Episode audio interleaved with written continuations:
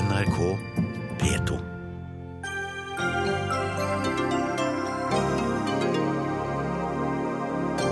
Europa er i krig om kultur, verdier og religion, slår Jyllandsposten fast.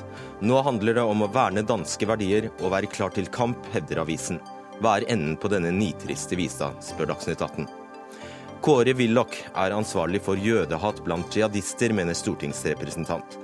Willoch har også ansvar for den økende antisemittismen i Norge, sier Mona Levin. Og pensjonert Oslo-lærer tar bladet fra munnen. Jødehatet vi ser i dag, kom med muslimene. Elevene går rundt og mener holocaust ikke var spesielt ille, og at jødene sto bak 11.9, forteller han.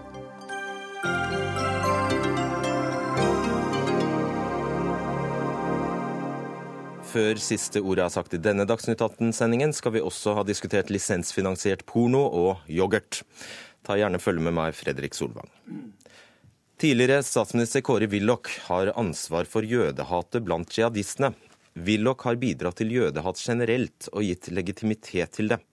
Ja, Den kraftsalven kom Fremskrittspartiets stortingsrepresentant Erlend Wiborg med i går på Twitter.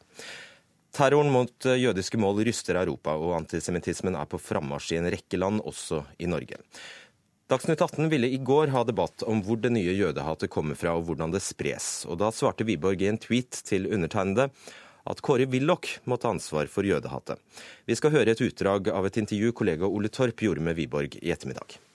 Det er mange sitater fra både Kåre Willoch, men også fra andre viktige samfunnsdebattanter, som bidrar til å legitimere noe av antisemittismen. Men bare så vi har det helt klart, Du som stortingsrepresentant mener at tidligere statsminister Kåre Willoch etter Paris-terroren, etter København-terroren tvitret i går at uh, Kåre Willoch må ta sin del av ansvaret for at vi har et økende jødehat. Ja, for når en tidligere statsminister mener at en amerikansk politiker er uegnet pga. at man er jøde, så mener jeg at det er et særdeles uheldig utsagn som kommer da, men du må sette dette i kontekst. Men, men mitt poeng er, dette sa du etter det vi har opplevd i Paris og København. Så Det er ikke noe du sa den gangen dette kom? Nei, dette er noe jeg mener nå. For jeg setter fokus på mange av de årsakene til den økende antisemittismen.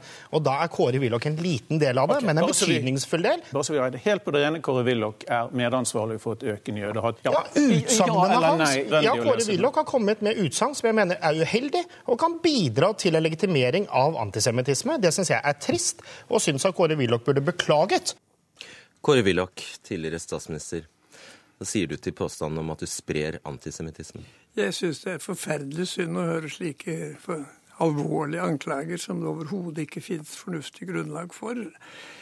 Jeg er kjent på at dette bygger på en eh, litt kort uttalelse fra 2008, men det var ikke fordi denne stabssjefen var jøde at han ikke egnet seg til å megle fred mellom Israel og Palestina. Han var en helt klar pro-palestiner, i og for seg naturlig nok, men Pro-israeler, mener du? Pro-omforlatelse. ja, takk skal du ha. Men eh, han hadde altså gått så langt at han hadde meldt seg som frivillig til Israels krig mot palestinerne. Og da syns jeg kanskje ikke han var den beste til å bidra til fred mellom de to gruppene. Det var det hele. Ellers har jeg gang på gang på gang understreket at det finnes tallrike fredsvenner blant jøder både i Israel og eh, i andre land. Og jeg understreket at det er meningsløst, forkastelig, forargelig å gjøre enkeltpersoner, jøder eller andre, ansvarlig for et annet lands politikk. Jeg tar kraftig avstand fra alle tilløp til antisemittisme. Jeg har gjort det gang på gang på gang, og jeg er glad for å få anledning til å gjøre det igjen. Blir du støtt av påstanden? Jeg blir heller trist, vil jeg si, for jeg hadde håpet at disse gjentatte understrekningene fra min side av det forkastelige i å gjøre mennesker ansvarlig for en statspolitikk, at det skulle nå frem. Men det ser ut til at enkelte ikke har hørt dette enda, men jeg er jo da glad for denne anledningen til å gjøre klart at antisemittisme er forferdelig forkastelig. Vi skal minne om bakgrunnen for dette utsagnet, som altså var at eh, Obama utnevnte en ny stabssjef, Ram Emanuel, som var eh, jøde. Og vi skal høre et opptak fra Dagsnytt 18 i 2009 med programleder Hans-Wilhelm Steinfeld. Da er jeg fristet til å spørre Kåre Willoch. Fatter du håp om at Barack Obama, når han tiltrer 20.1, kan gjøre noe med dette? Det ser ikke lyst ut, for han har jo valgt en stabssjef som er jøde. Og det er jo slik at amerikanske velgere her ser mye mer på Bibelen enn på dagens virkelighet, og en meningsløs feil fortolkning av Bibelen. Mona Levin, journalist og forfatter. Da du i sin tid hørte dette, så steilet du. Hvorfor? Jeg steilet fordi øh, han ikke stilte et eneste spørsmål ved hva, hvem Ram Emanuel var, hans bakgrunn, hans utdannelse, hans eh, samarbeid gjennom mange år med Barack Obama. Eh, det var det jeg steilte over. Det eneste som betød noe for Willoch, og det er det samme som han har hamret på i 30 år eller mer, det er at mannen var jøde. Og du og, sier at i 30 år har Willoch sagt grufulle ting om jøder? Han har, jeg, ja, han har sagt veldig, veldig fryktelige ting om jøder som har vært sterkt stigmatiserende, fordi det Willoch gjør, og han gjør jo ingenting Kåre Willoch som han ikke vet at han gjør eller sier. Han er en, en mann som vet akkurat hva han sier og gjør. Han har, bedriver en gruppetenkning som har rammet norske jøder. Jeg vil gjerne holde meg til Norge. Jeg kan ikke øh, snakke om noe annet land. Men han har vært en svøpe for norske jøder. I den grad at mange jødiske familier med barn har emigrert. De har ikke våget å bo her. Og det må han faktisk ta inn over seg. Det er noe med at det man sår, det må man høste. Og det er noe med at jødene tar støyten, og hvem tar ansvaret? Willoch må være i stand til å ta sin del av ansvaret for at det er blitt en veldig sterk antisemittisme i Norge. Han har bidratt til å legitimere det. Men jeg vil gjerne si noe mer om Ram Emanuel. For Willoch har senere sagt at eh, ja, Han sa jo nå nettopp dette at, han, at Ram Emanuel hadde meldt seg frivillig i en krig på Israels side. Eh, han var altså i 1991 i noen måneder en frivillig sivil. Kanskje han hjalp til i kantiner eller noe sånt. Men Willoch fremstiller det, som han alltid gjør med halve sannheter, som om han, eh, Ram Emanuel var en soldat. Eh, og en annen ting Rahm Emanuel ble utnevnt til å være stabssjef i Det hvite hus. Ikke noen meglerfunksjon overhodet. Tvert imot. Da skal vi la Levin da... Han var kjent som den mest udemokratiske av alle amerikanske politikere ville aldri av Obama vært satt i noen forhandlingssituasjon. Det var mye her, Levin. Vi lar eh, Willoch eh, svare på dem. Ja, Levin tillegger meg jo her en serie meninger som jeg ikke har og aldri har uttrykt, og som jeg uttrykkelig har forklart at jeg ikke har. Jeg har jo gang på gang på gang presisert at det er helt feilaktig å gjøre jøder f.eks. i Norge ansvarlig for de feil som jeg mener begås i israelsk politikk. Og jeg kan jo legge til at den kritikk jeg har rettet mot Israels politikk, deles jo av veldig mange i Israel. Der er mange som mener det samme som jeg også gir uttrykk for, nemlig at de behandler palestinerne feil. Når det så gjelder Ram Emanuel, så presiserer jeg jo gang på gang etterpå, selv om den uttalelsen var for kort, at poenget var ikke at han var jøde, men at en stabssjef som hadde meldt seg frivillig til Israels væpnede styrker, at han skulle være den rette til å ta initiativ i retning av fred mellom de to partene, det regnet jeg som lite gunstig. Og så må jeg få legge til her at jeg syns det er veldig trist at det ikke nytter å få folk til å akseptere at det må jeg finner det riktig å kritisere Israels brudd på menneskerettigheter og folkerett overfor palestinerne. Men jeg har om igjen og om igjen presisert, jeg håper Mona Levin nå vil høre det, jeg mener det er fullstendig feil å bruke dette grunnlag som en generell antiholdning mot jøder. La dette være understreket, og la meg så håpe at dette kommer fram. En av gangen Ja, Levin. Gang på gang på gang i mer enn 30 år har du holdt på på den måten, men da har du nemlig ikke sagt israelere. Du har aldri vært flink til å differensiere mellom jøder og israelere. Og det er én grunn til at jeg mener, og alle andre jøder i Norge mener, og en masse andre mennesker mener, at du har bidratt til å legitimere grunnen for den antisemittismen vi ser i Norge i dag. Jeg kan jeg få svare på dette med det samme, så skal du få oppklart denne misforståelsen. Jeg har altså lagt veldig vekt på å forklare at før staten Israel ble opprettet, så vil jeg ikke kalle disse som da drev faktisk drev terror mot palestinerne og jaget dem ut av landet. Jeg vil ikke kalle dem israelere, for staten Israel var ikke opprettet. Senere har jeg passet nøye på å bruke betegnelsen israelere på borgere i Israel, men også på jøder når det passer, fordi det er sammenheng med jøder i andre deler av verden. Men man kan ikke kalle jøder i Europa for israelere. Så jeg har lagt stor vekt på nøyaktighet her. og Hvis det ikke lykkes, så kan jeg bare beklage det, men passe nøye på. Israelere er altså borgere av Israel. Og når jeg bruker uttrykket jøder, så er det f.eks. om jøder i Norge som ikke er ansvarlig for noe som utføres av regjeringen i Israel. Levin, mener du, eh, vil du gå så langt som å si at eh, Kåre Willoch er ansvarlig for terroren mot eh, jøder i Paris og København? Vet du at Så dum er jeg heldigvis ikke, og jeg skjønner ikke engang at du spør om det. Ja, men Du kan ikke stille et sånt spørsmål, det er jo tåpelig. Men jeg kan gi et eksempel på tidligere statsminister Kåre Willochs påstand om at samtidens europeiske antisemittisme forsvinner automatisk den dagen Israel trekker seg tilbake til 1967-grensene. På denne måten så gjør han nemlig et overgrep mot europeiske jøder til en akseptabel form for kritikk mot den israelske regjeringens politikk. Det, jeg har masse sånne eksempler. Og at han kan sitte der og si at han aldri har sagt det, eller aldri har sagt det. Jeg har tonnevis med artikler hvor han har sagt og skrevet akkurat det. Og det er jo ikke bare det han sier, Willoch, det er jo det han ikke sier. Han har jo gjort seg kjent på å kjempe for eh, Gaza-flyktningene. Men han har aldri med ett ord, som jeg har opplevd iallfall, sagt et ord om den over en million jøder som ble kastet ut på 48 timers varsel fra alle de omkringliggende arabiske statene, samtidig som araberne forlot Israel. Mange ble fordrevet, mange dro frivillig.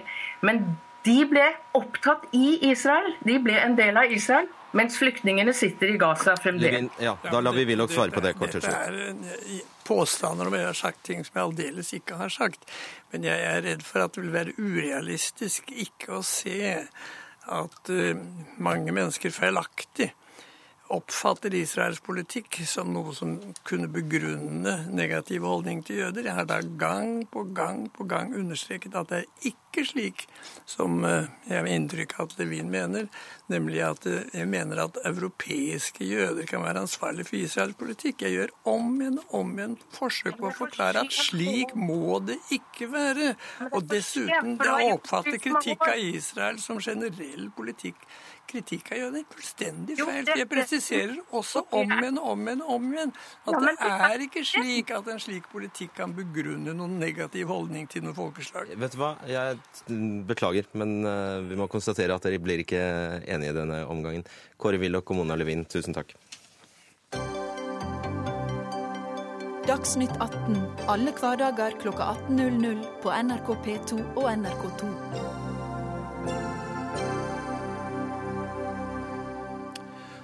Har du en klasse med mange muslimske elever, har du jødehat. Det sier en pensjonert lærer i Oslo-skolen.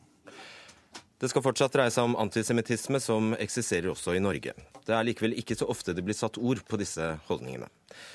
Geir Johannessen, du har bl.a. jobbet 30 år som lærer ved Hellerud videregående skole i Oslo i historie, religion og samfunnsfag, før du nylig ble pensjonert. Og du har erfart antisemittisme blant elevene. Fortell. Det har jeg, og første gang jeg støtte på det, var tilbake på 80-tallet, hvor jeg var ganske fersk som lærer. Da hadde jeg først og fremst bare norske elever i klasserommet. Og vi ble besøkt av en ung mann fra en pakistansk eh, moské i Oslo, som ville rette opp en del av nordmenns vrangforestillinger om muslimer. Og han holdt for så vidt et godt foredrag for eh, elevene.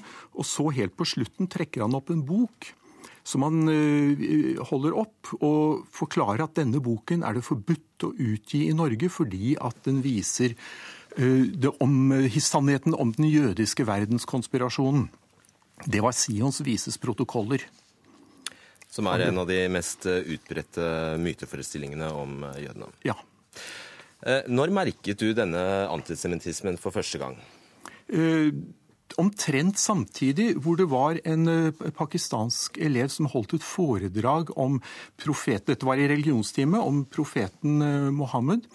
Og eh, forholdene i Medina, og han sa da at jødene i Medina konspirerte mot muslimene. Og pga. det synes alle vi muslimer at jøder er noe dritt. Når var dette? Mm, ja, Midten av 80-tallet, vil jeg tro. Og Hvilken sammenheng er det da med innvandringen? Ehm, da var det mindretall av Jeg har aldri hørt eh, jøde brukt som et skjellsord av noen norske elever. Det har kommet med muslimene. Og det er blitt et ganske vanlig skjellsord også. Faktisk. Hvor utbredt vil du si det er i dag?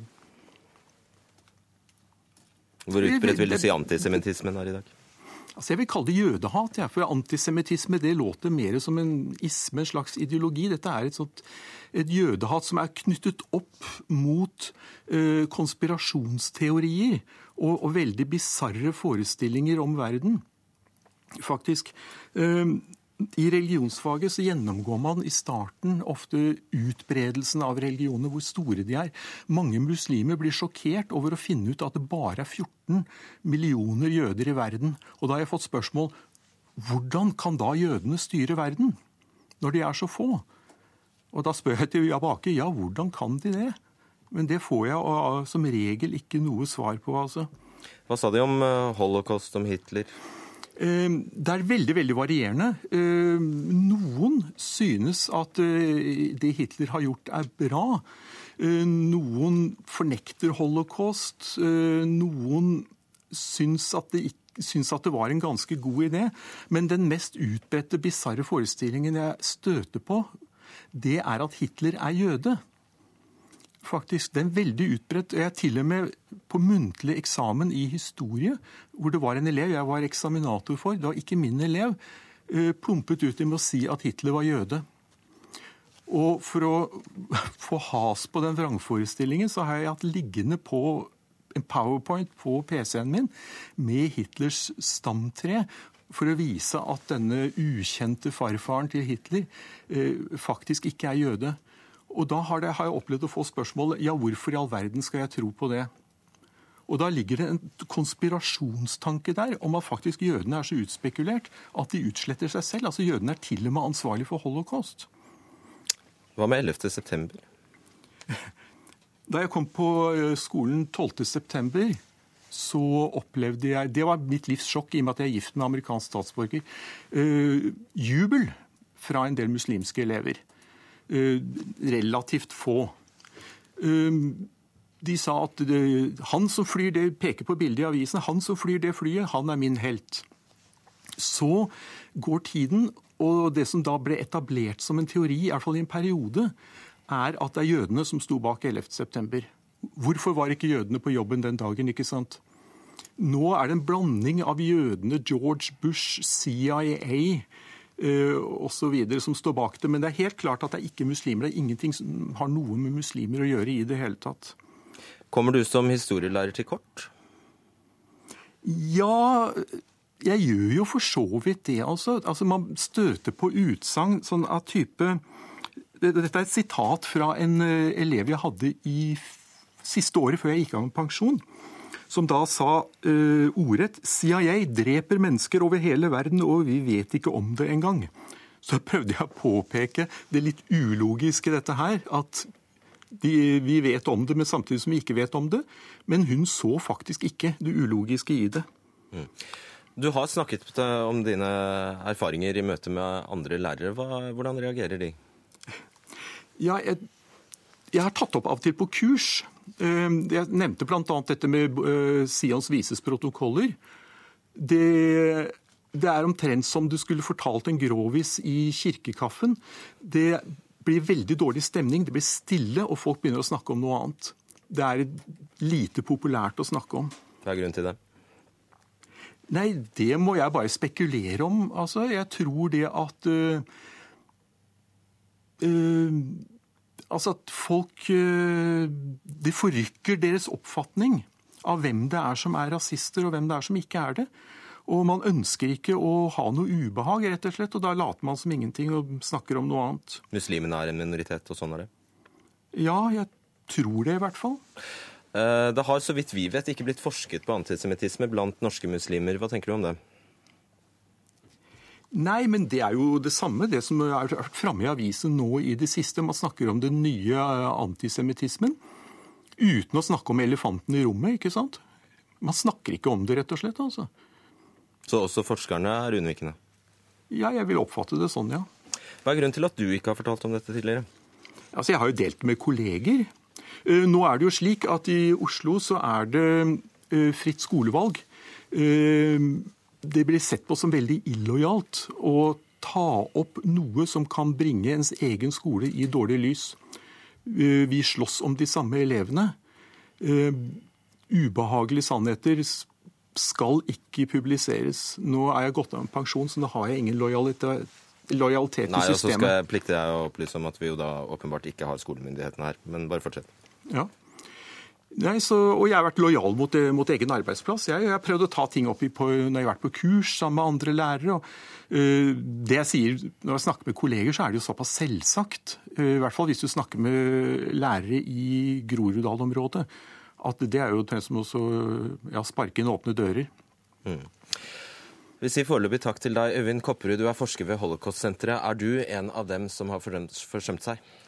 Nei, det mener jeg ikke at jeg er. Eh, Og jeg mener ikke forskningsmiljøet heller har gjort det. Eh, Vi hadde en stor undersøkelse i 2012. Og da fikk eh, vi og jeg også kritikk fordi at vi ikke så på muslimers holdninger eh, til jøder. Men da var det aldri foretatt noen undersøkelse i Norge, så for oss var det veldig viktig å ha en bred, stor befolkningsundersøkelse for å kunne jobbe derfra videre ved senere eventuelle undersøkelser. Men vet vi noe om hvordan jødehatet er blant unge norske muslimer i dag? Ja, så Vi vet også noe om hvordan det er, bl.a. gjennom eh, skoleundersøkelsen du har i Oslo-skolen. Du, eh, hvor du også kan lese noe ut av tallene. Vi vet også i forhold til undersøkelser, mer kvalitative undersøkelser som er foretatt hos oss Vibeke Moe, altså ikke kvantitative. Hva er da svarene? Svarene er at eh, jødiske skolebarn blir trakassert eh, både av norske elever og også av muslimske elever, andre elever. Vi ser f.eks. at eh, halvparten, som læreren også nevnte, så halvparten av elevene har hørt ordet jøde brukt som en negativt skjellsord. Og det er også en høyere andel jøder, jødiske barn som har blitt trakassert på bakgrunn av sin region enn det er av andre grupper. Vet vi spesifikt hva norske muslimers holdninger til jøder er? Nei. Ikke spesifikt hva Er ikke det av interesse? Jo, det er klart det er av interesse, og det er noe forskningen må se videre på senere. Det er jo ikke sånn at vi unnviker det fordi man ikke har gjort det til nå. Mina Adampour, du leder Ungdom mot eh, rasisme. Hvordan reagerer du på det Johannessen sier? Lærer eh, Johansen, han eh, Ja. For det første så kommer han jo frem med udokumenterte påstander. Og Ungdom mot rasisme vil jo på det sterkeste anbefale at lærere, når de møter denne type holdninger blant elever, tar dette opp. Ikke bare med ledelsen, men også med foreldre og La oss forutsette at det han sier er sant, da. ja, og det skal man jo gjøre, fordi mennesker som kommer med historier hvor de forteller noe, skal ikke bli sett på som løgnere. Altså Man skal ta det til seg, men man må jo samtidig påpeke at dette er udokumenterte påstander. Derfor trenger man jo også forskning. Um, Men så blir det litt sånn spesielt å snakke om den nye antisemittismen. Og som statsminister Erna Solberg også kvitterte på Twitter og svarte en bruker som sa at eh, vi hadde jo ikke noe jødehatsproblem i Norge før muslimene kom.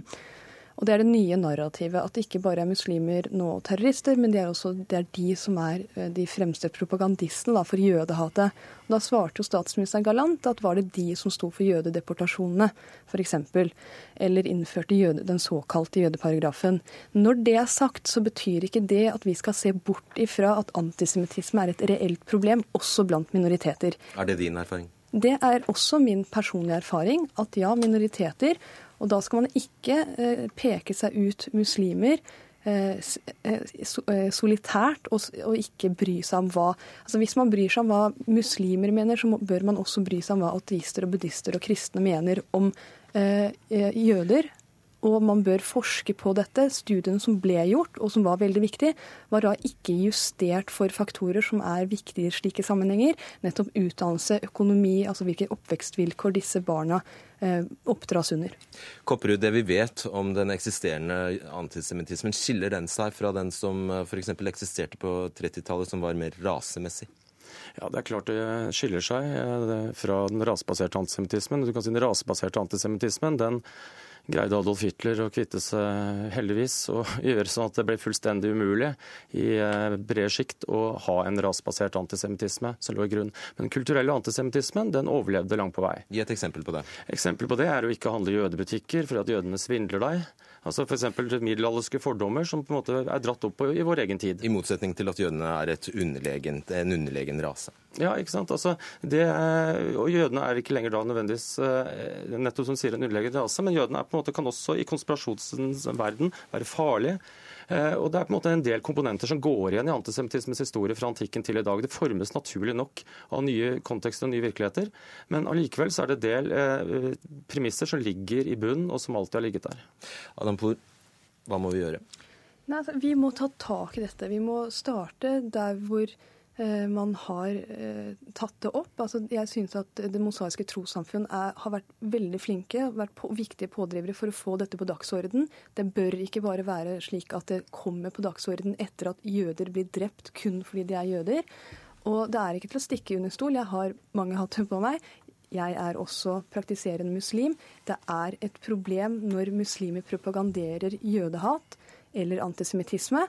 Og det jeg veldig gjerne vil si til norske muslimer som sier dette og frembringer dette jødehatet og spinner videre på fordommer om jøder, det er at husk på at når andre viser til Osama bin Laden og sier at alle muslimer er onde, eller at alle muslimer er voldsforherligende, eller at islam er en farlig religion og vi må ta et oppgjør med den religionen, det er akkurat det samme de som propaganderer jødehat, sier om jøder. Og det Eh, det som også er interessant her, er at en av eh, mest sannsynlig lærer Johansens tidligere skoleelever er nå med på lørdag og arrangerer altså at unge, muslim, unge muslimer skal eh, stå og holde Slå ring rundt synagogen. synagogen. Mm. Og han har jo faktisk propagandert jødehatt, og han var sitert i Dagbladet på at det jeg var antisemitt, det har jeg gått bort ifra. Og det er det vi må få til. Vi må få flere til å komme bort ifra det, den sykdommen som Ervin sier. Og det er håpefullt. Du har, vil ha en eh, siste replikk, Kopperud. Ja, nei, jeg skulle si jeg er helt enig i det. Og jeg vil også si det at det er faktisk også positive tegn. Vi har 7000 elever på Holocaust-senteret hos oss. Og der møter man daglig elever, muslimske elever, jødiske elever, norske, etnisk norske elever, som på en måte sammen snakker om dette. Og man møter svært få eh, fordommer og i møte med da holocaust, så er, også, så er muslimske elever også som andre norske elever. Da må jeg si tusen takk til dere, Mina Adampour, eh, Geir Johannessen og Øyvind Kopperud.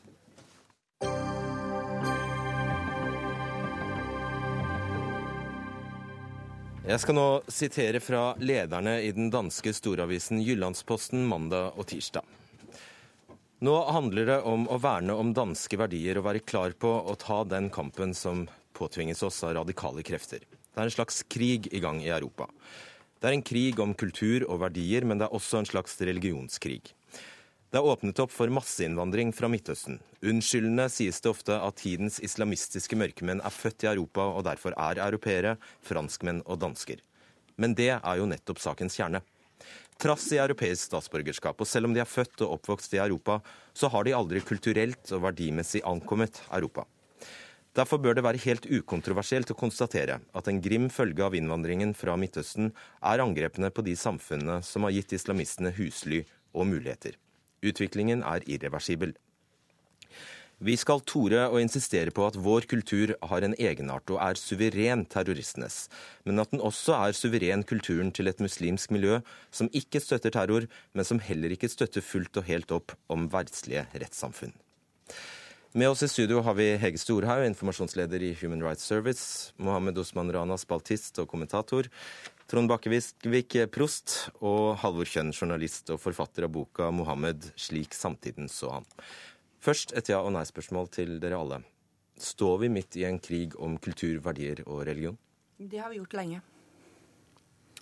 Det må utdypes, eh, fordi at eh, vi står ikke i en sivilisasjonskrig mellom eh, islam og Vesten. Det er veldig viktig å si at vi står i en krig mellom de i verden som ønsker fred, de som ønsker sameksistens, og de som ikke ønsker det. Bakvik. Nei. Kjønn. En kulturkrig, vil jeg si. En krig om kulturene. Det er det. Det er ikke en, det er ikke en krig hvor det Altså, blod flyter jo ikke i noe særlig mengde, men at det er en konflikt mellom kulturene, det er jo helt opplagt. Hege Sore, du sier til Aftenposten i dag at Europa står overfor en jihad. På hvilken måte? Eh, det jeg er mest opptatt av, det er ikke terror, men det er den ideologiske kampen som har pågått i flere tiår i Europa eh, mot det verdslige demokratiet. Og Da tenker jeg på alle disse moskeene og islamske bevegelsene, alle hatpredikantene som turnerer rundt og forpester unge sjeler, og som jobber intenst for å omstyrte samfunnet vårt ideologisk på sikt. Og Med omstyrting så handler det om at de vil erstatte islamsk hellig lov med vårt sekulære lovverk. Det er hovedmålet til omtrent alle disse moskeene altså av noen størrelse i Norge og Europa. Står dansk eller europeisk kultur over kulturen i muslimske miljøer, slik Jyllandsposten uttrykker det? Ja, det, det, det kan man jo bare ta en, et blikk utover eh, kloden. Og, og, og, se hvilket, eh, hvilket, islamske land kunne man tenke seg å flytte til. Jeg vil anta at de fleste nordmenn ikke kunne tenke seg å flytte til et eneste en av disse landene. Nettopp fordi at frihet, kvinners likestilling, respekt for minoriteter Alt dette her glimrer med sitt fravær. Så hvis vi skal være... Det er jo ikke alle være... mennesker som har den, det regimet de ønsker, ønsker seg helst, da. Nei, men det er, jo, det er, jo, en av grunnene til at jeg er nesten halv pakistaner og har bodd i Pakistan i over to år. Nettopp fordi jeg har noen fantastisk nydelige venner der som er sunnimuslimer. Så det er ikke det det handler om. Men det handler om hvem som har makt. Og det er nøyaktig det perspektivet som jeg opplever ikke vi har fått inn i debatten i Norge. Nemlig det at et et ideologisk mørke av, altså, som er i mindretall, i tillegg til de som er villige til å bruke vold. Det er de som har makten over resten. Og Det er derfor vi har så få sekulære stemmer og så få frafallende. Fordi at det er dødsstraff for frafall, f.eks. Mohammed Osman Rana, er du et gissel? For det første, la meg si at uh, utfordringen med både Jyllandsposten og Hege Storhaug er at uh, de faller for og aksepterer verdensbildet til uh, muslimske ekstremister. Muslimske ekstremister vil at man skal snakke om en sivilisasjonskrig der islam og Vesten står i krig mot hverandre. At de ønsker å kapre definisjonsmakten over islam. Det er det de ønsker. Og så sitter eh, Hege Storhaug og i tillegg uh, de som har skrevet lederartiklene i Jyllandsposten og sier at dette er sant. Vi står i en krig. Og så snakker man eh, om islam som en monolittisk størrelse. Nei, Vent litt. Ja. Kan du ikke bare svare på det? Er det et poeng at et flertall blir holdt som gisler av et lite voldelig mindretall? Vi har absolutt en utfordring med et veldig lite mindretall som prøver å kapre definisjonsmakten over islam. Og det er klart at muslimene må intensivere det teologiske og ideologiske arbeidet mot disse ekstreme. Det er veldig viktig, men å samtidig redusere utviklingen av muslimsk ekstremisme eh, som, et, resultat kun av islam, det er helt feil. Vi må også ta i betraktning geopolitiske forhold. Vi må se hva som har skjedd i Midtøsten, vi må se på kolonitiden, vi må se på Israel-Palestina-konflikten. Det er mange forhold vi må se på. Man kan ikke bare sitte her og snakke om at dette er eh, muslimske ekstremismer som eh, ut fra islam eh, finner en ekstremistisk bane. Trond Bakkevik, siden 1996 har du engasjert deg for å skape dialog mellom muslimske, jødiske og kristne ledere i Jerusalem. Er det slik at Koranen er mindre forenlig med vestlige verdier enn Bibelen, f.eks.? Nei, det tror jeg ikke. Uh, altså, jeg tror vi må begynne med å si at alle hellige skrifter omtrent uten unntak inneholder sitater, altså bibelsteder, koranvers, som kan brukes til å forherlige vold. Og jeg kunne godt gi mange fra Bibelen. Det, det fins rikelig av dem. Eh, men hellige skrifter må tolkes ut fra noen verdier som står sentralt. Og Det betyr at noe av, disse, noe av det som står i skriftene, det legges bort. Andre ting de holder vi oss fast med. Men jeg har også lyst til å si, og når jeg svarte nei på spørsmålet om vi står i en krig, så er det fordi at jeg syns at Jyllandsposten kulturavis som den er, uttrykker seg fullstendig historieløst. Altså Den store kulturkrigen vi har hatt i Europa det siste hundre året, er satt i gang av kristne europeere som har gjennomgått opplysningstiden. Holocaust var ikke et muslimsk påfunn. Det var seks millioner jøder som ble drept. Det foregikk i det opplyste kristne Europa med medvirkning fra regjeringer overalt. Og så har muslimer en utfordring når det gjelder å bruke Koranen, som vi også som kristne har og har hatt. Men det er jo det som er dagens utfordring. Og det er dagens utfordring. Hallo Kjønn, du er altså uavhengig journalist, og du har skrevet boka 'Mohammed slik samtiden så ham'. Og du sier at kulturen i Midtøsten altså er i krise. På hvilken måte? Eh, kulturen i Midtøsten er i dyp, dyp krise. Og det er jo fordi at eh, altså, samfunnet i Midtøsten er dysfunksjonelle. De er ikke i stand til å gi befolkningene sine det livet som man kunne forvente av i, moderne, i vår moderne tid. Og mye av årsaken til det, eh, det må nødvendigvis tilskrives religionen. Og hovedårsaken, slik jeg ser det Historie er ingen presis vitenskap, men slik jeg ser det Midtøsten-samfunnene de har forblitt religionsbaserte samfunn, mens vi i Vesten har gått over til vitenskapsbaserte samfunn. Og Der ligger det en grunnleggende forskjell på Vesten og på Orienten. Og da sier Jyllandsposten at problemet er masseinnvandringen fra Midtøsten, og at til tross for europeisk statsborgerskap og oppvekst, har muslimene i Europa aldri kulturelt og verdimessig ankommet Europa. Det er jo klart at Hvis vi skulle ha fortsatt å vært religionsbaserte samfunn i Vesten, så hadde ikke den industrielle revolusjon skjedd i Vesten. Det tror jeg er nokså åpenbart. Sånn at det er den avskjeden som vi i Vesten tok med det religionsbaserte samfunnet, som førte til at vi kunne utvikle moderniteten. Og den overgangen har ikke skjedd i Midtøsten. Og det at dette er et problem, eh, hvis man ser nøkternt på det, det er jo helt åpenbart. Og her nytter det ikke å gjemme seg bak eh, eh, fraser om at man skal ikke støte andre med en annen hudfarge og slike ting. Dette er ikke snakk om hudfarge, dette er snakk om dype, viktige historiske prosesser som har ført til at verden vi har i dag, ser ut slik som den gjør. Rana. Det er veldig tydelig at det pågår en indremuslimsk kamp. Det foregår en indremuslimsk kamp om muslimske hjerter og sinn. Eh, vi har sett at eh, muslimske ekstremister, særlig siden 1700-tallet og eh, nå nylig særlig siden 1970-tallet, har vunnet terreng. Og veldig mange som tilhører mainstream islam, tradisjonell islam, har nå gått hardt ut mot de ekstreme. Det har vært en samling av 125 sunniteologer som har kritisert uh, ISIS. Og, og, i tillegg så ser man at uh, veldig mange muslimske land er i krig mot ekstremister. Se bare på koalisjonen som er med USA mot, mot ISIL. Se også på at Pakistan kjemper mot uh, Taliban, og de gjør det i islams navn. Så er det veldig historieløst når man vil tilskrive det meste til islam. Jeg må også minne om kolonitiden, der franske og britiske imperialister delte opp Midtøsten eh, etter eget eh, godtbefinnende. Og det er klart at slike historiske faktorer bidrar til eh, ekstremismen vi ser i dag. Der mistenker tenker jeg du Hege Store, er forholdsvis uenig. Nøyaktig hvilken, hvilke deler eller utslag av praktisering av islam er det du mener altså er helt så kronisk og uhelbredelig uforenlig med vestlige verdier. Ja, og det her, Nå tror jeg vi må rydde opp i debatten her. Altså Når Mohammed Osman Rana snakker om ekstremisme, så snakker ikke han om den ekstremismen jeg snakker om. Han snakker om terror. Eh, for Mohammed Osman Rana han fremmer folk som fremmer sharia-lover. Og f.eks. dette brevet han, han, viser til, i punkt 17 i dette brevet, så slår disse muslimske lederne fast at, eh, at IS er sin fulle rett til å benytte seg av shariaens eh, straffemetoder. I dette brevet så står det også at det er greit å bruke jihad, altså voldelig jihad, mot såkalte uærlige journalister. Så Det er viktig at vi skiller her. altså Mohammed Osman Rana han har aldri tatt avstand fra sharia og det barbariet som ligger i sharia. Så vil jeg veldig gjerne... Hvilken bok det som heter sharia? Hva er det du legger i sharia? Hva er det du legger i sharia? Da tenker jeg særlig på hva, hva sharia? Da tenker jeg særlig på hadud, straffelovene. Men jeg vil gjerne si en ting til, til, til, til uh, Nå falt jeg litt ut, for du ble så sint. Uh, Bakkevik. Bakkevik, unnskyld. Jeg syns det er rart at du som kristen representant for kirka, eller hvem du representerer her, det vet jeg ikke helt eh, akkurat nå. Men jeg blir Ja, du er prest, sant.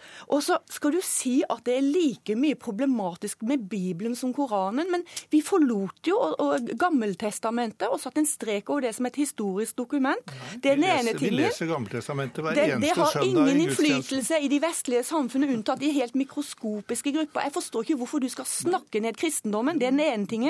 Og den andre tingen, når du først skal dra fram denne pisken, at vi skal piske oss selv som europeere for alle våre tidligere skylder, eh, så må jeg jo bare spørre deg, har du fått med deg at holocaust også ble gjort med hjelp, god hjelp av muslimer, bl.a. i Bosnia og Midtøsten? Vet du det? Ja, Svar på det, Bakkevik. Bakkevik, eh, Svar på det, Bakkevik. Jeg, kan godt svare på det. Jeg vet veldig godt at holocaust også fikk bidrag bl.a. Fra, fra, fra stormuftien i Jerusalem. Det handler ikke om det. Men hovedpoenget her var vel at vi ikke ser like bestialske utslag av praktiseringen av kristendom som vi gjør av det har vi jo sett. Det er ikke det I som dag. Er, I dag? Nei, men altså det er helt historieløst, sånn som Jyllandsposten uttrykker seg. Når de, når de snakker om historien, så er det akkurat som det ikke fins en historie. Ja, vi har hatt en diskusjon som gjør at vi bruker Gammeltestamentet på en annen måte. Den, det gjør vi. Og jeg sier ikke noe annet. Det har jeg sagt hele tiden. Men det er nettopp det som er poenget. At hellige skrifter avslører vi ikke nødvendigvis å ta sitater herfra og derfra. Vi kan finne akkurat samme type sitater i Koranen og i Bibelen. Men poenget er hvordan tolker vi dette? Og der er det vi trenger samtalen. Der er det vi trenger å, å samtale om det som gjør at vi tolker Skriften på en sånn måte at vi legger noe vekk. Dette sa jeg i stad. Og vi holder fast ved noe. Jeg snakker ikke ned kristendommen i det hele tatt. Jeg mener at kjærlighetsbudet, du skal elske din neste som deg selv, er det som er tolkningsnøkkelen også til det etiske budskapet i Bibelen. Og det burde også være i Koranen. Ok. Eh, kjønn, Mohammed står jo sentralt. Eh, Hvor mye av det som skjer i dag, eh, og som skaper gnisninger mellom muslimer og majoritetene i, majoritetsbefolkningene i Vesten, skyldes Mohammeds ord eller handlinger? Ja, la meg si det først at De aller aller fleste muslimer i Vesten og ellers i verden de er selvfølgelig fredelige mennesker. Og, og, og gode mennesker, så det, det er nesten helt unødvendig å si. Men eh, for eh, eh, salafistene, altså de som da står bak eh, ISIL og, og disse gruppene, så er jo dette en direkte De driver en direkte kopiering av eh, krigerstaten til Muhammed i Medina mellom eh, 622 og 632. Og de bruker jo handlingene som Muhammed foretok seg mot f.eks. jødene i Medina, de ble massakrert, som en direkte eh, legitimering av de handlingene som de gjør i dag. Og f.eks. de jødiske kvinnene de ble solgt som slave, og det ser vi også i dag med disse Så du kan finne hold for halshugging og Ja, for du kan finne hold for veldig mye i Koranen. Eh, Du kan finne hold for eh, kjærlighet og toleranse, men du kan også finne hold for det. Og nettopp det som jeg tror er så viktig i dag, det er det at muslimene tar et oppgjør med dette. Akkurat som vi tok et oppgjør med eh, de barbariske sidene av kristendommen gjennom opplysningstid og reformasjon, så er det viktig at muslimer tar et grunnleggende oppgjør med dette, sånn at de avskjære seg fra denne ekstremismen. Fordi at eh, i dag er det nemlig en, det er en, man kan, det er en sånn glidende overgang. Du har islam, man har islamisme, og så har man da den voldelige islamismen. Og, og dette her befinner seg da i en uklar teoretisk grøt, og det er veldig få, bortsett fra Ahmadiyya-muslimene, må jeg si, de har vært forbilledlig klare, som har klart å virkelig grave de dype eh, grøftene og avskjære seg fra ekstremismen. Rana, man kan jo ikke bedrive litt kvinneundertrykking eller litt steining. Det er enten-eller. Det er jo en eh, tolkningssak, dette. ikke sant? Noen må vinne, er det ikke sånn? Og, og, og her er snakk om at man må kontekstualisere de hele tekstene. Og der har muslimene et eh, stort ansvar. Og det er en kamp som pågår. Du nevner salafismen. Salafismen eh, er eh, på mange måter moderne og bryter med mange av de mer tolkningsbaserte islamske tradisjoner som nettopp vektlegger å tolke tekstene inn i sammenhengen av tid og sted. Det er det vi trenger. Men å si at muslimer ikke gjør noe Det pågår en stor kamp i hele Midtøsten, i den islamske verden, mot, mot ekstreme salafister. Å si at det ikke skjer, det er eh, en veldig arrogant måte å si det på. Og det å samtidig sitte og se ned på islam og islams historie Jeg tror at hvis det ikke hadde vært for bidragene til muslimer før opplysningstiden i Europa, f.eks. fra Ibn Sina og Ibn Rushd, så hadde vi kanskje ikke sett en opplysningstid i Europa. Så det må man også vektlegge. Ja. Eh, til slutt, Hege Storhaug. Du beskriver problemene, men hva er egentlig løsningen din? Du kan ikke kaste dem ut, du kan ikke omvende med med tvang. Hva skal du gjøre? Ja, Det er et stort spørsmål. Eh, Det jeg savner, er at eh, vi får en brei politisk handlingsplan. Men, eh, men, og Jeg har kommet med mange forslag, det blir altfor kort å kunne begynne å presentere det her. Men for eksempel, jeg kan ta ett. da, Ideologisk kartlegging av alle moskeene. Og de som er juridisk og politisk motivert, de skal miste statsstøtte som trossamfunn. Eh, Det er et, tiltak. Men jeg er mye mer fokusert på barn og unge, for det er det som er framtida. Og jeg mener det at over hele landet nå så pågår det en utsondring av barn og unge fra det norske samfunnet av imamer og andre hjernevaskere som forteller barn og unge at de ikke skal bli en del av det norske fellesskapet, for vi er vantro. Og det er nå vi skulle hatt en halvtime til, men det har vi ikke. Beklager. Hege Storheim, Mohammed Osman Rana, Trond Bakkevik og Halvor Kjønn, takk.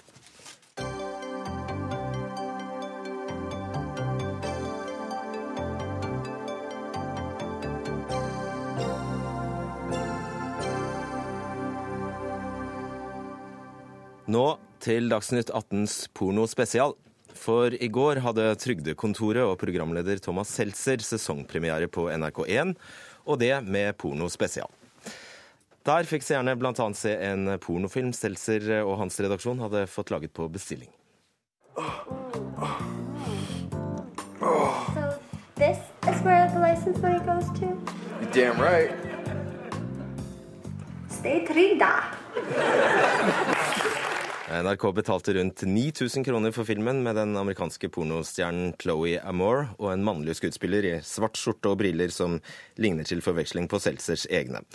Og hun framfører replikker som 'Ah, du er så mye større enn Jon Almås'. Si at du lo litt, Anne Stø, du er leder for kvinnegruppa Ottar. Nei, jeg lo ikke så mye. Jeg ble tvert imot eh, veldig skuffa eh, over at eh, NRK i kampen om, om seere eh, i det unge urbane sjiktet velger å ty til det eldste trikset i boka, nemlig objektifisering av kvinner og, og porno. Og Jeg syns òg at jeg reagerte veldig sterkt på, på innslaget, eh, som, eh, altså hvor man tar eh, pornoskuespillere, et, et pornofilmsett, eh, og dermed er med på å eh, legitimere pornoindustrien. Eh, NRK er med på eh, en, en pornokultur der elementer fra, fra pornoen eh, glir over i mainstream-media eh, og populærkulturen, eh, og hvor grensene utviskes. Charlo Halvorsen, underholdningsredaktør her i NRK. Er det dette vi skal bruke lisenspenger på? Nei, det, det fremstår jo nå eh, litt som om NRK har blitt en stor eh, pornoprodusent. Det stemmer jo ikke helt. Vi, eh, Bare en liten. eh, veldig liten. Vi brukte 1000 dollar til eh, å betale et lite eh, selskap i California til å lage en sketsj for oss som skulle illustrere et program om porno, som jo er en eh, veldig viktig eh, ting å tape nå. Med, eh, så vidt vi skjønner, så er eh, nordmenn helt på øverst av bruk av nettporno i, i verden. Ja, Det var jo tema for programmet. det var tema for programmet, og vi ser også med en premiere på Fifty Shades of Grey hvor forhåndssalget til den filmen er større enn eh, Ringenes herre. Så det er jo et eller annet i norske folkesjelen som er eh, interessant å titte litt nærmere på. Da Så var dette en sketsj i forbindelse med det. da. Ja, men da må jeg spørre deg, siden du kaller det en uh, sketsj. eh, det virker jo som at eh, det ikke bare har eh, simulert sex, men at de faktisk har sex. Eh, det kan jeg avsløre at det har de ikke. Det har de ikke. Anne Støv, gjør det saken bedre? Altså, NRK har vist seg tidligere utmerket godt i stand til å lage sine egne sketsjer. eh, Så hvorfor man må eh, betale et, eh, et pornofilmselskap for dette, er uforståelig eh, for meg. Eh, Og selv om, eh, om sexen her ikke var ekte, så, så ender jo snutten da med hva det nå var som, som denne jenta fikk i ansiktet til slutt. Den standard avslutningen på en, på en pornofilm, nemlig the money shot, altså sædsprut i, i ansiktet. Uh, og det er jo egnet til å krenke og nedverdige de kvinnene som, som deltar i dette. Er det nedverdigende å få se det i ansiktet? det er nedverdigende eh, å, å, å framstå eh, med, med griser i, i ansiktet. Det, det er derfor de, de gjør det. Eh, og eh, det er klart at mange menn tenner på å nedverdige kvinner. eh, og det, det er jo et, eh, et stort eh, problem innenfor dette. Charlo Halvorsen, kan du, eh, kan du se noe annet, eller kan du, kan du se dette poenget, at ved å eh, spille på disse strengene, så støtter man opp om industrien? Nei, jeg, egentlig ikke. Jeg, jeg, skjønner jo det litt kontroversielle å bruke penger på, eh, på, noe som kan knyttes til eh, pornoindustrien. Det er jo ikke en industri som man nødig eh, belemrer seg med. Eh, men dette er altså en sketsj. Det dette er ikke noe forsvar for noen pornoindustri. Og eh, det er eh, Men var det da noe som helst kritisk blikk på pornoindustrien? I programmet, I programmet var det absolutt det. Eh, ikke industrien, men det, det skulle prøve å eh, forklare hvorfor eh, porno er så stort i Norge. Og også forklare eh, hva det gjør med folk. Vi hadde jo bl.a. en, en eh, Munch i, i, studio som hadde kloke tanker om, om hva pornografi gjør, eh, gjør med oss. Stø, du er mer katolsk enn en Munch? Jeg har nok i hvert fall mer greie på porno. Og, og det tenker jeg at ja.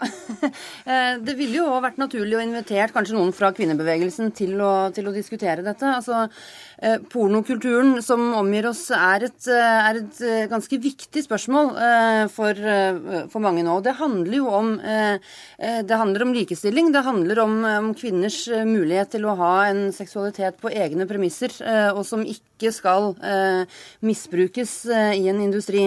Og vi veit jo nok om, om ofrene for, for, pornoindustrien og, og, hva de er utsatt for. Og så jeg at Dere har jo ikke gjort noe videre bakgrunnssjekk på, på, på forholdene her. Men Eh, vi, det vi òg vet, er jo at eh, nå eh, har vi jo levd i en pornokultur gjennom ja, de siste ti årene. Mange unge begynner faktisk å bli møkklei av at det skal være porno i alle kanaler. At det skal være at alt skal kunne selges ved å, ved å spille på sex. Så sånn sett så framstår jo NRK ganske bakstreverske i dette. Men Stø, bare for å ha det klart, NRK brøt ingen lover? Nei, dessverre. Altså, det, over, altså, det, det, overrasker oss veldig at, at sexkjøpsloven har dette smutthullet for, for pornofilmproduksjon. og det ja, Det må vi ta tak i politisk og, og jobbe for at det smutthullet blir, blir stengt. For det, er det, det kan ikke være sånn Charlo Halvorsen? Nei, så sleipe er vi ikke. Og, og, heller ikke Vi blir jo tillagt en del meninger her som jeg jo absolutt ikke mener at vi står for. Dette vi vet omtrent hva folk mener om pornoindustri. Det er ikke noe eh, bra industri. Så vi tok eh, programmet et skritt videre og eh, hadde en forståelse av at porno er veldig stort i Norge. Hvorfor, og hva gjør det med oss? Det var på en måte utgangspunktet vårt. Og så En diskusjon om pornoindustrien er rett og slett et annet program.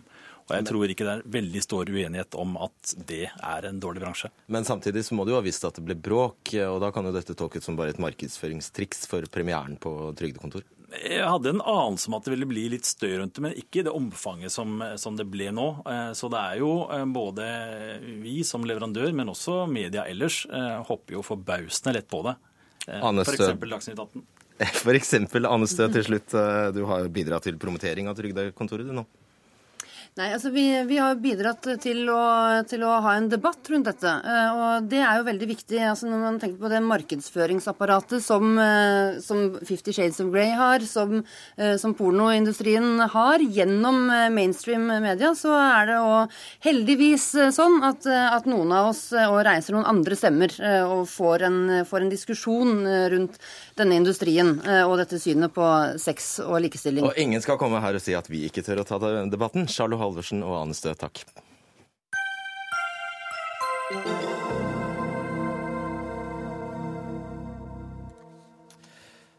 Foreldre i barnehagene i Alna bydel i Oslo blir oppfordret til å droppe yoghurt i barnas nistepakke.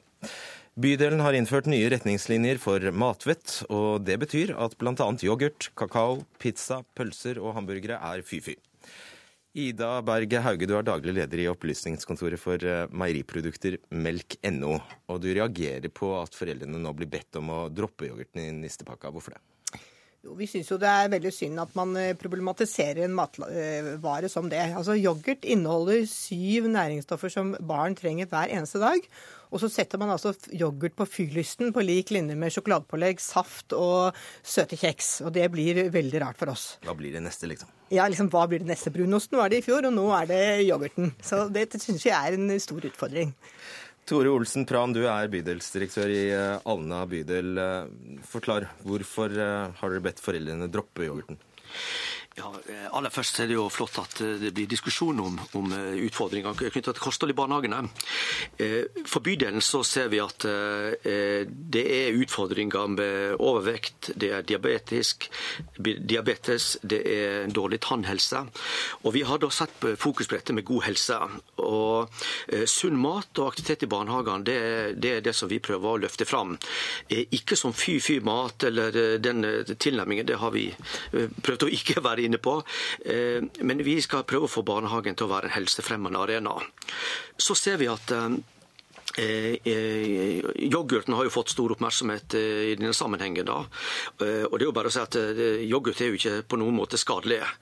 Men det vi så er at omfanget av yoghurt Eh, og da Spesielt sånn dessertyoghurt var stor i barnehagene. Eh, barna ble, eh, si, spiste litt, og ikke kom, før kom ut for døra før de var sultne igjen. Så det var en ensidig bruk av si, bl.a. Sånn dessertyoghurt som var utfordrende for, for, oss i hverdagen. Så ser vi at ved å ha prøvd ut en litt annen tilnærming, fokus på det positive, skille litt mellom hverdagsmat og festmat, mat, eh, så er, det har vi prøvd ut i tre barnehager, og det har vært veldig vellykka. Og vi har òg gjort det i en annen bydel og i et større omfang, og fått veldig gode tilbakemeldinger fra foreldrene. Det er også sukker i yoghurten dere eh, reagerer på. I eh, informasjonsbrosjyren du har sendt ut, står det vi ønsker ikke yoghurt i barnehagen. Yoghurt gir lav metthetsfølelse og fører til at barnet ja. blir raskt sultent igjen. Noen typer yoghurt inneholder kunstig søtningsmiddel som barn ikke bør spise, ja. mens andre kan inneholde store mengder tilsatt sukker. Hauge, hva syns du om denne teksten?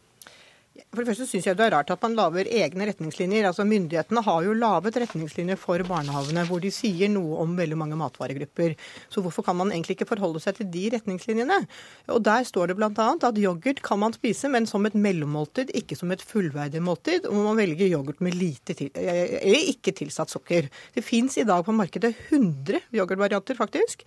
Og av dem så er det mange av dem som har lite, lite sukker og ikke tilsatt yoghurt. Men en God morgen-yoghurt f.eks. kan kan inneholde 22 sukkerbiter. Ja, og jeg er helt enig i at man skal da gå inn og, guide eh, foreldrene i hva er bra og hva er ikke bra, og hva har mye og hva har lite. Men en barneyoghurt som er veldig vanlig å bruke, den har 4 tilsatt sukker.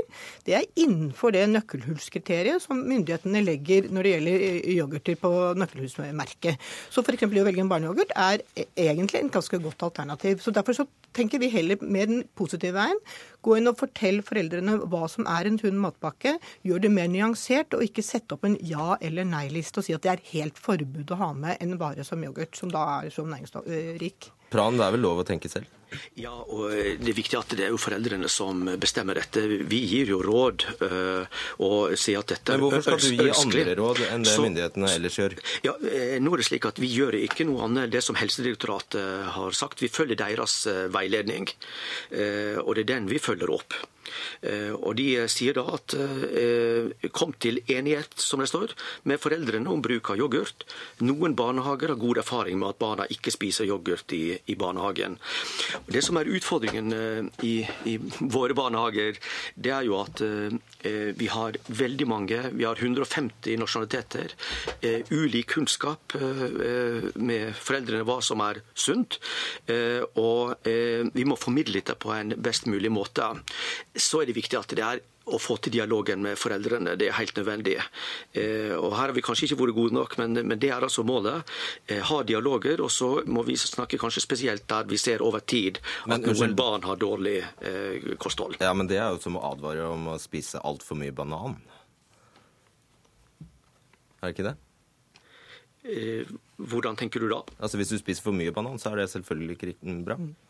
Ja, men det er jo det vi gjør her. at vi sier at Der det blir ensidig kosthold, der det bare har f.eks. med en dessertyoghurt som, som en, eneste til frokost, det var ikke lenge nok. Og Det er det vi sier. Det er ikke forbud, men et ønske om at en ikke gjør det over tid. Uh, Hauge, det kan jo være vanskelig å, for en forelder eller for foreldre å orientere seg i dette villniset av yoghurter. Hvorfor gjør dere det så vanskelig? Altså, det er jo et ønske om at det skal være stor variasjon. og det er, sånn som Når vi snakker om at det er 100 ulike varianter, så er det jo fordi at det skal finnes tilbud til som dessert og som kos, og også da til hverdag. Så Velger du en, en kosvariant av yoghurt, så er det faktisk bedre enn veldig mange andre desserter. bare for å sagt det, ikke sant? Så vi, vi, tenker at det er viktig. Vi har masse informasjon, og det er mange som har informasjon om hva som er bra eller dårlig. Jeg må eh, si tusen takk til dere, Ida Berge Hauge og Tore Olsen Pran. og avslutte med å si at ansvarlig for sendingen var Hege Holm. Lisbeth Seldreite hadde ansvar for teknikken, og jeg heter Fredrik Solvang.